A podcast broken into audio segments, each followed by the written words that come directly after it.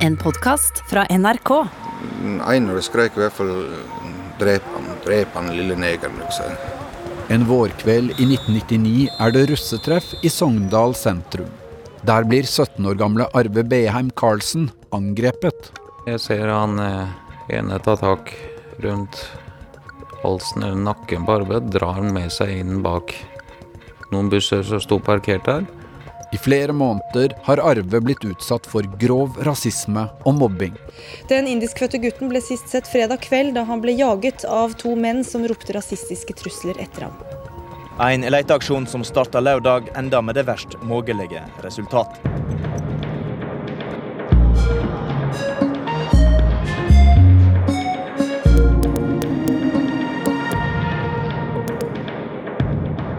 Du hører på Hele historien. Hva skjedde med Arve Beheim Karlsen? av Kristin Vestreim. Del én av to.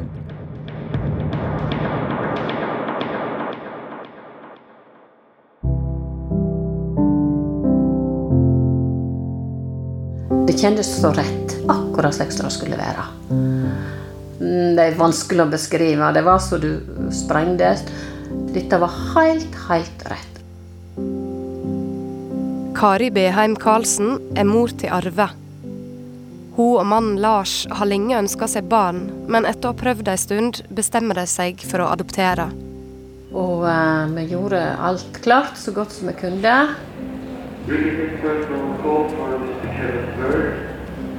En oktoberdag i 1981 landa et fly fra India på Fornebu. I flyet er det en to måneder gammel baby, og på utsida står to spente foreldre klar til å ta imot den etterlengta gutten.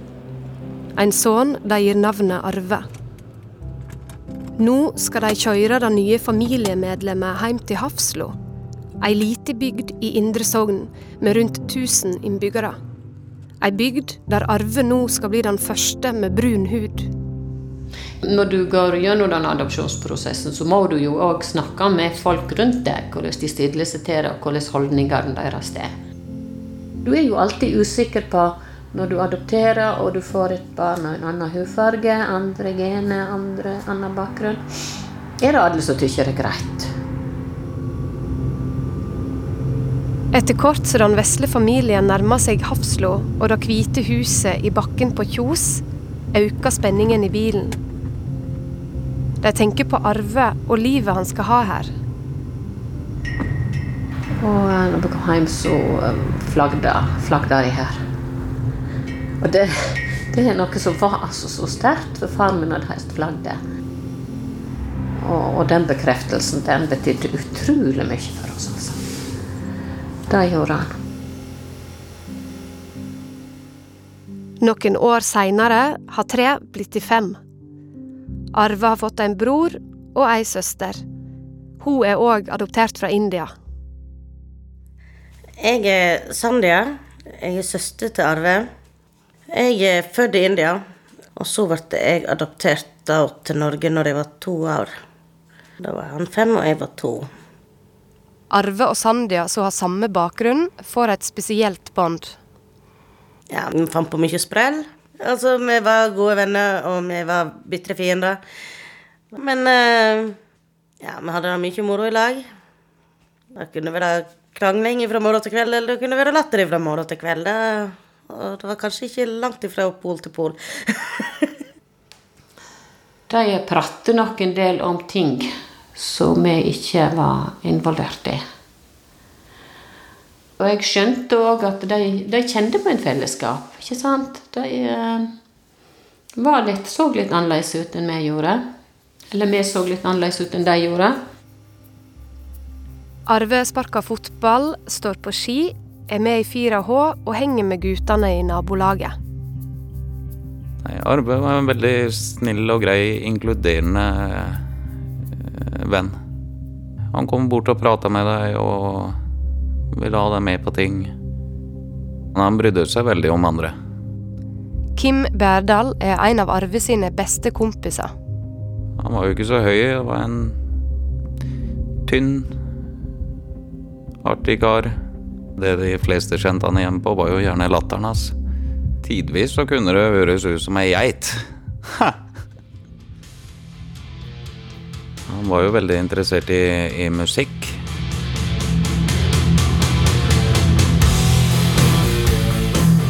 Gikk jo helst i uh, typer metal. Ja. Arve går på musikkskolen helt til han begynner på videregående. Han spiller bass, elgitar og akustisk gitar. Og hører masse på musikk. Hard musikk så det dunker i øynene.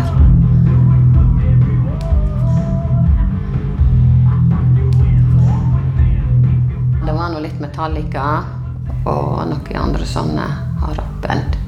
Han fikk spørsmål om å være bassist i en sånn gruppe, men nei. Da, han, da måtte han stå fram. Han spilte litt på skolen, da. Hvis det var sånne forestillinger på skolen, så kunne vi se at han var med, men eh, nei, det var for store terskel.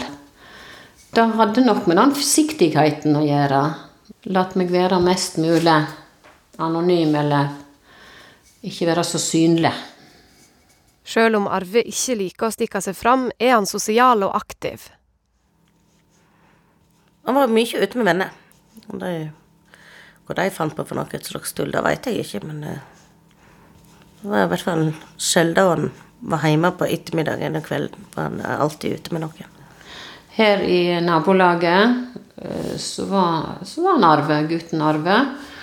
Kameraten, lekekameraten Arve. Foreldre hører om få negative hendinger.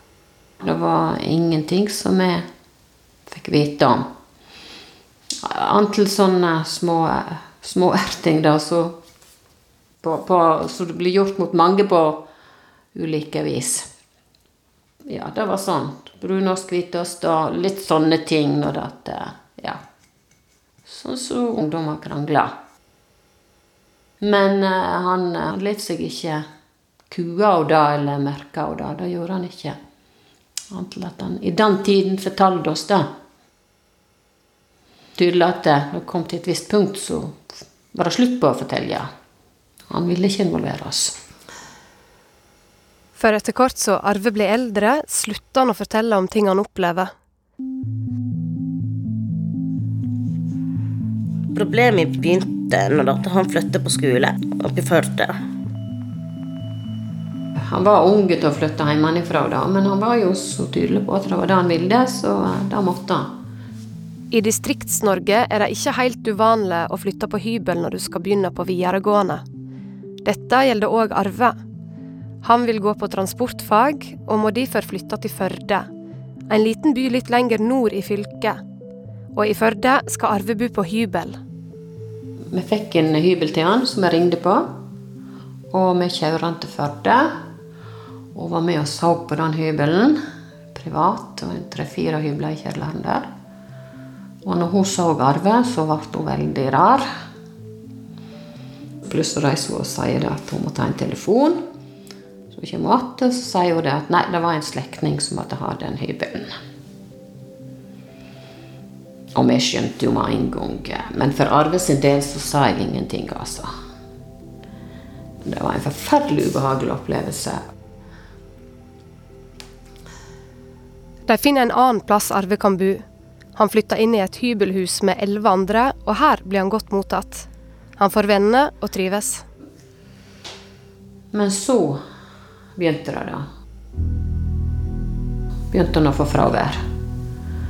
Og um, disse, disse ordene da 'Jeg er ikke i form, jeg er ikke frisk, jeg kan ikke på skolen'. Og det gikk ikke så lenge før jeg i hvert fall merka at han forandra seg litt. Da litt mer inneslutta og gjerne prate litt mer høflig til meg enn han pleide å gjøre. Og vi prøvde å spørre hele tida hvordan går det på skolen, hvordan går det på hybelen, er det greit i Førde? Vi fikk bare tre korte ord. Alt er bra, alt går greit. Og så sa han sikkert òg at ikke vi måtte mase. Vi skjønte det var noe, men vi fikk jo ikke hull på den byllen hva det var. Før i høstferien. Eller etter høstferien. I høstferien kommer Arve hjem til Hafslo på besøk. Og nå er han frisk og rask. Han er ute og møter venner slik han pleier, og oppfører seg som normalt. Så skulle han reise opp igjen på søndagen til Førde, og da var plagen tilbake. Han var ikke i form, han eh, var dårlig. Så han kunne ikke reise. Arve blir værende hjemme på Hafslo. Ferien er over for flere dager siden. Kari tar Arve med til legen, men han kan ikke finne noe gale. Til slutt sier Kari at Arve er nødt å reise tilbake om han vil fortsette på skolen. Ellers vil fraværet bli for høyt, og Arve vil bli hengende etter. Han skjønner at han må tilbake. Kari kjører, og mens de sitter i bilen, bestemmer hun seg for å konfrontere Arve.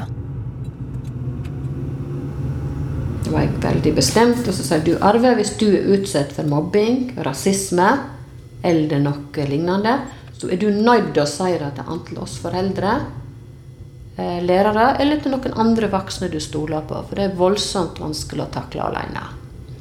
Og han ble rasende. sin. 'Mamma, stopp bilen, jeg vil ut. Dette vil jeg ikke høre på.'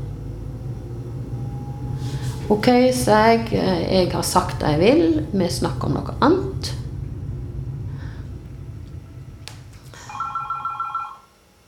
Men allerede kvelden etter ringer Arve hjem. Og det er altså så Da hadde vi fasttelefon ute i gangen. Og han sier 'Mamma, jeg har blitt mobba fra første skoledag. Nå klarer jeg ikke mer. Jeg vil slutte'. Og jeg er veldig glad for at han da setter ord på det. Jeg kan ikke beskrive hvor vondt det gjorde. Og så prater vi litt att og fram, forteller ikke detaljer. Og så sier han at jeg skal gå på skolen i morgen og si at jeg vil slutte. Men jeg vil gå i en time og ikke i et friminutt. Det var tydelig at han ville ikke treffe noen. I møte med skolen oppgir Arve mobbing som sluttårsak. Rektor på Øyrane videregående skole forklarer seinere i retten at skolen ikke veit om mobbingen Arve er utsatt for. Nå vil de vite hvem som står bak. Men Arve er skeptisk. Han har ikke lyst til å si hvem som mobber han, fordi han er redd for konsekvensene. Etter kort går han likevel med på å oppgi navn, så lenge skolen på si side lover å ikke si det til de det gjelder. Navnet Arve oppgir, tilhører alle en større kamerating fra Naustdal, ei lita bygd utafor Førde. Og når det møtet slutta med orda Hvis du slutter, Arve, så har du tapt, og de vunnet. Da kjente jeg jeg ble målløs. Jeg burde ha tatt igjen, men jeg, jeg ble helt sett ut. Jeg bare tenkte inni meg det er ikke Arve som har tapt i dette, her, det er skolen som har tapt. Som ikke greier å hamle opp med dette her. Etter bare to måneder flytta Arve hjem til Hafslo. Han sier ikke så mye om hvordan han har hatt det til vennene sine. Ja, det var jo veldig kjekt å, å få han tilbake til Hafslo. Arve sin kompis Kim Men han, eh, han fortalte egentlig ikke så veldig mye om hva som foregikk i Førde. Til meg. Livet på Hafslo fortsetter nesten som før. Arve er tilbake på guterommet og henger med gamle venner.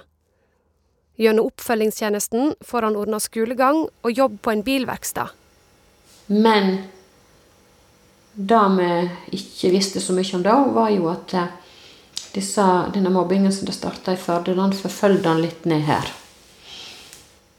For det var jo en, eh, en gjeng Nå blir det jo sagt at det var ikke noen gjeng, men eh, det er nå mine ord nå, da, at det var en gjeng. Eh, Så eh, i samband med opptak på videregående ble splitta. Så noen kom her til.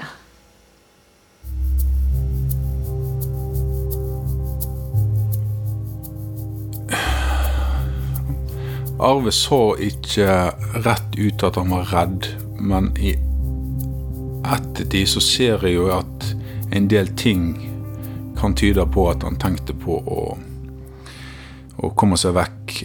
Barndomskameraten Christian har kjent Arve hele livet. Christian er fra ei øy utenfor Bergen, like ved der familien til Arve har sitt ferieparadis. Kompisene snakkes en del på telefonen og besøker hverandre med jevne mellomrom. Så var han på besøk ute i, ute i Austevoll. Og da drev han og snakket litt om at han, eh, han skulle hatt seg en jobb her ute. Der han kunne da bodd i hytta deres og, og jobba her ute. Eh, for da var det allerede da begynt å, å være en del episoder eh, som gjorde at han burde ha kommet seg vekk. Utpå høsten besøker Christian Arve på Hafslo. Jeg og Arve skulle på en fest på, på noen hytter nede med vannet på Hafslo. Og når vi går til den festen, så, så nevner han nevner han to navn. At de er på den festen. Og de er farlige, sier han. Og Jeg tenkte jo ikke mer over det der og da. Og vi kom frem til festen og eh, ble vi stående på terrassen ut forbi. Da sitter det en gjeng rundt et bord. Jeg og Arve får ikke lov å sette oss ned der. Eller jeg kunne sette meg ned, men Arve fikk ikke lov å sette seg ned der. De sa rett ut at, eh, at han hadde ingenting der å gjøre. Han var ikke velkommen pga. Uh, hudfargen hans. De som sitter rundt bordet, er del av en større kameratgjeng fra Naustdal. De er kjent i lokalmiljøet for rasistiske holdninger og flere episoder med tidvis grov vold. En av dem går på skole på Hafslo og liker ikke Arve. Han skal bli helt sentral i Arve sitt liv de neste månedene. I denne dokumentaren har vi valgt å kalle han Stian. Han ønsker ikke å delta i programmet. Den episoden endte med at jeg og Arve med, med bare gikk bare derfra. Han ga uttrykk for at det var, det var ikke sånn det skulle være at noen skulle få si hva han hadde lov til og ikke lov til. Det var, det var Hafslo, det var hans plass. Han, han, følte nok på den urettferdigheten med at andre skulle fortelle han hva han kunne og ikke kunne gjøre ut ifra hudfargen. Arve flytta hjem til Hafslo for å få fred. Men nå opplever han i stedet at det blir verre og verre. Og sjøl om Arve nå veit at Stian sitt nærvær kan by på problem, kjenner han på en sterk rett til å være og gå der han vil. Noen veker seinere er Arve på fest i ei nabobygd. Utpå kvelden ringer han heim. Jeg sa at de må komme og hente meg. Jeg får ikke fred her. Far til Arve setter seg i bilen og kjører for å hente han og møtte han gående alene i mørkni ved museet på Kaupanger. Han Lars prøvde å spørre han hva er det som har skjedd. Og da sa han at han fikk ikke fred. Det var liksom disse ordene der. Au, og så da kom et navn som jeg hadde hørt før. Navnet som dukka opp, er han vi kaller Stian. Og når Arve sin far Lars hører dette, er farsinstinktet sterkt. Han vil snu bilen for sjøl å ta et oppgjør med denne gutten. Nei, nei, nei, du må ikke, pappa. Det blir verre. Det er farlig. Og så valgte de å komme hjem her. Og vi snakket da om å, å anmelde dette her, og Men Arve vil ikke anmelde. Han er redd for konsekvensene. Redd for at det skal bli verre. Mandag morgen ringer likevel Kari til politiet bak Arves rygg. Og de sier at eh, vi kjenner til personen, og vi skal prøve å passe på. Men det beste hadde vært om han leverte en formell anmeldelse. Og da nekter han. Kvelden Arve ringer hjem og ber om å bli henta, sier han at han ikke får fred. Det Arve ikke forteller, er at han har blitt kalt forbanna neger og blitt skalla ned to ganger denne kvelden. Det blir først stadfesta i en seinere dom.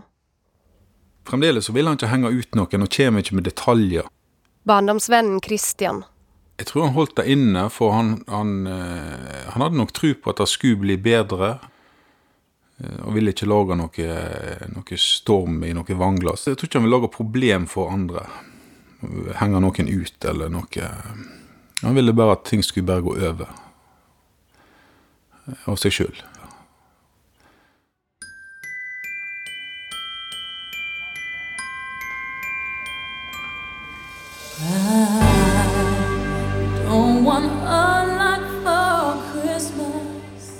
Mot slutten av året er Arve og noen venner på juleball.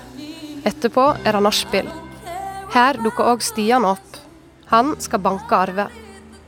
Og fordi Arve er liten og spinkel, går vennene kjapt mellom og klarer å stoppe det. En av dem havner sjøl i slåsskamp med Stian, mens han andre gjemmer Arve på do. Stian blir spurt hvorfor han trakasserer Arve, og gir til svar at han ikke har noe mot han personlig, men at det er hudfargen som er problemet. Disse beskrivelsene er basert på dom og seinere forklaringer i retten. Vi var veldig bekymra. Vi var veldig i tvil om at vi skulle la han få reise. Men en gutt på 17 15 er ikke så lett å nekte alltid heller. Ei helg i januar vil Arve ta seg en tur tilbake til Førde. Plassen han flytta fra noen måneder tidligere. Arve vil besøke en kompis han har holdt kontakten med. Vær forsiktige, ring hjem hvis det er noe. Det fikk han hele tida med seg når han skulle noe. Men eh, vi i vår naivitet, og Arve òg helt sikkert, du tror ikke om folk eh, når han slutter på skolen, at de kan være så grusomme at eh, de går løs på han fysisk, liksom. Men den natta møter Arve på gjengen som gjorde at han slutta på skolen. Etter en knapp ordveksling blir Arve og kameraten fortalt at de har ti sekunder på å komme seg vekk. Arve og kameraten gjør som de får beskjed om, og av litt uklare grunner skiller de to lag. Gjengen på tre følger etter Arve. I et utdrag fra avisa Firda står det En 17-åring ble sleget ned og sparka i overkroppen og i hovedet i Førde sentrum natt til søndag. Vedkommende var alene og møtte to kjenninger like ved Firda bilag. I nærleiken av drosjesentralen ble han innhenta og slegen i bakken. Mens han ligger, får han flere spark i kroppen og i hodet. Han brekker to ribbein, får flere kutt i fjeset og blir sjukmeldt i to uker. Og nå har Arve fått nok. Denne gangen velger han å anmelde saken. Han ringer hjem. Og sa at jeg blitt overfalt, jeg må komme til Førde, og nå skal jeg gå til politiet. Kari og Lars kjører til Førde og møter Arve på politistasjonen. Og vi satt der og hørte avhøret. Og da kjente jeg jo meg igjen navn fra det som skjedde på det møtet på skolen. Han forteller hvem som har slått han ned, og at samme gjeng er grunnen til at han slutta på skolen. En av de Arve anmelder, er bror til Stian. Og det er klart at da var tanken vår hevn. Så når det formelle Vi holdt oss helt rolig under det formelle avhøret da. Når han hadde skrevet under og det var avslutta, så snakket vi litt sånn mer uformelt med politiet. Og det var da han sa det som vi ikke glemmer, da, at det er rett å melde melderarv. Ellers får du ikke fred. Arve, som har vært så redd for konsekvensene, satser nå på at en anmelding skal stoppe videre trakassering. Jeg kan ikke gå rundt resten av livet og være redd. Eh, det husker jeg tydelig han sa. Eh, da var jeg stolt over han.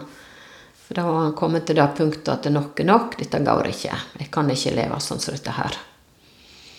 Og eh, det var jo noe som både han og vi trodde, at nå skjer det noe. Og det kan ei stund se ut som at det har hatt effekt. For nå blir det stille noen måneder. Det blir etter hvert vår i Sogn.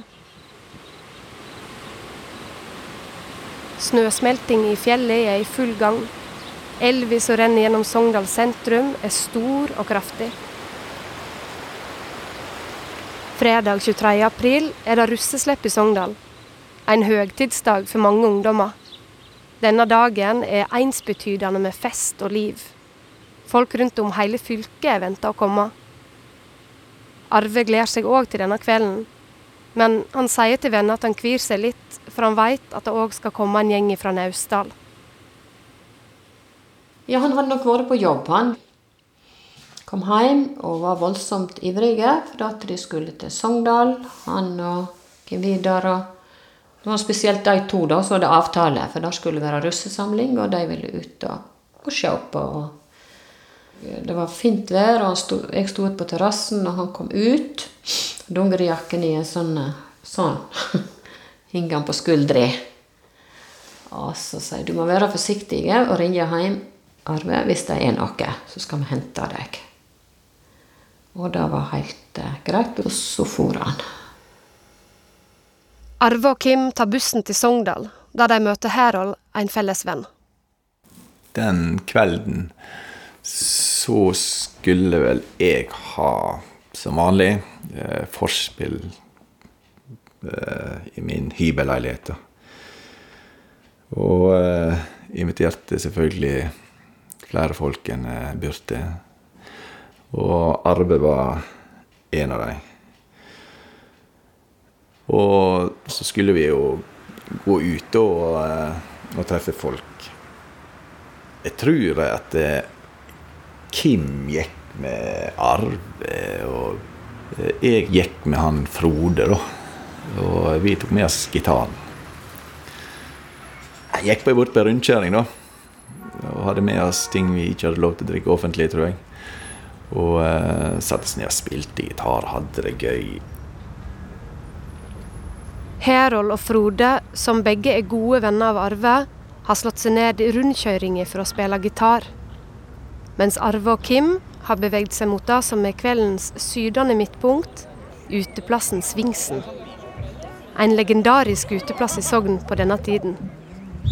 Som vanlig er det like fullt ute som inne. Arve og Kim surrer rundt på utsida, i likhet med de fleste andre under 18.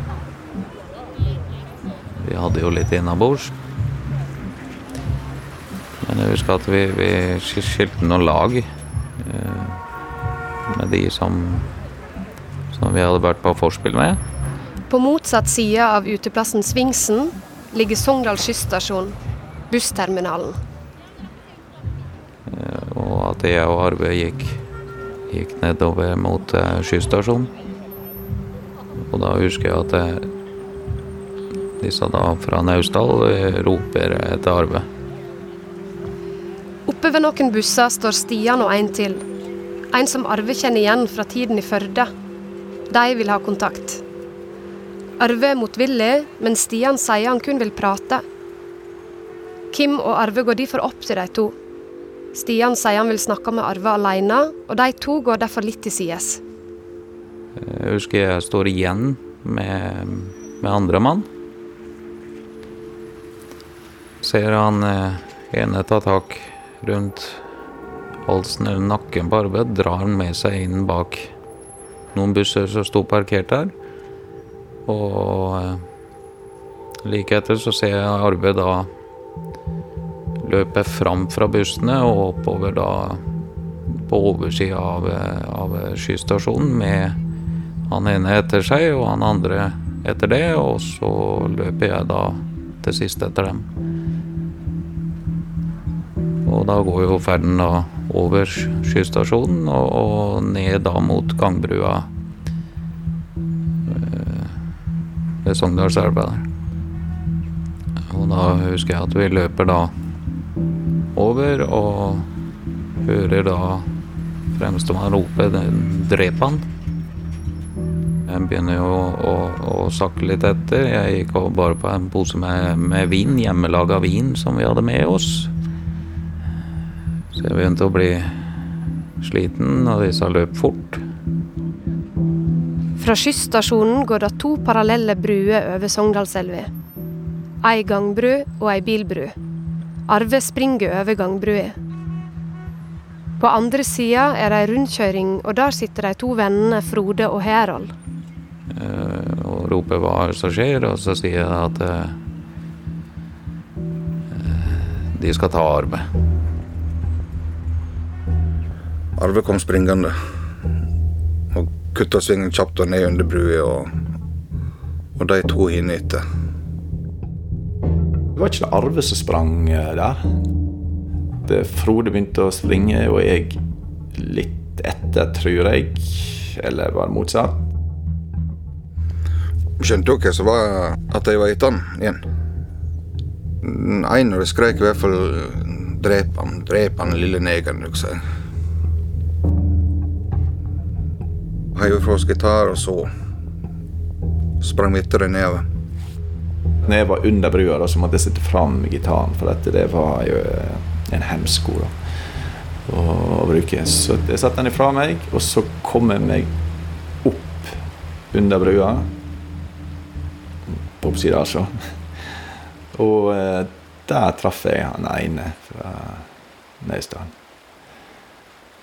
Og det var ganske litt sånn vilt der, diskusjon og, og greier, da. Nå står hele gjengen på andre sida av brua, men kompisene ser ikke Arve noen plass. Det er kaotisk stemning, det er mørkt, og Elvi bråker.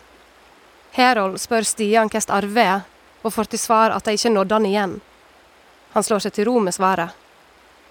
Nå så vi de personene som ville ta Arve, og da var han eh, ikke i fare lenger. Og det tror jeg vi ja, var fornøyd med, da. Arve sine venner tenker at han har sluppet vekk. Kanskje stukket på nachspiel eller reist hjem, slik han ellers pleier å håndtere lignende situasjoner. Men slik er det ikke. Det var jo den siste med sangen han Arve òg, da han sprang under brua.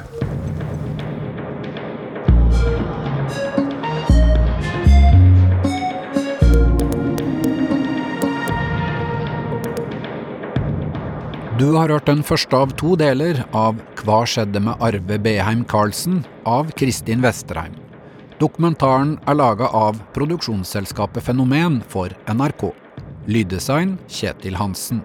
Produsenter Tom Marius Kittelsen og Kjetil Saugestad. Redaksjonssjefer Hege Haug Omre og Siril Heierdal. Send oss gjerne e-post på helehistorien krøllalfa nrk.no. Du har hørt en podkast fra NRK. De nyeste episodene hører du først i appen NRK Radio.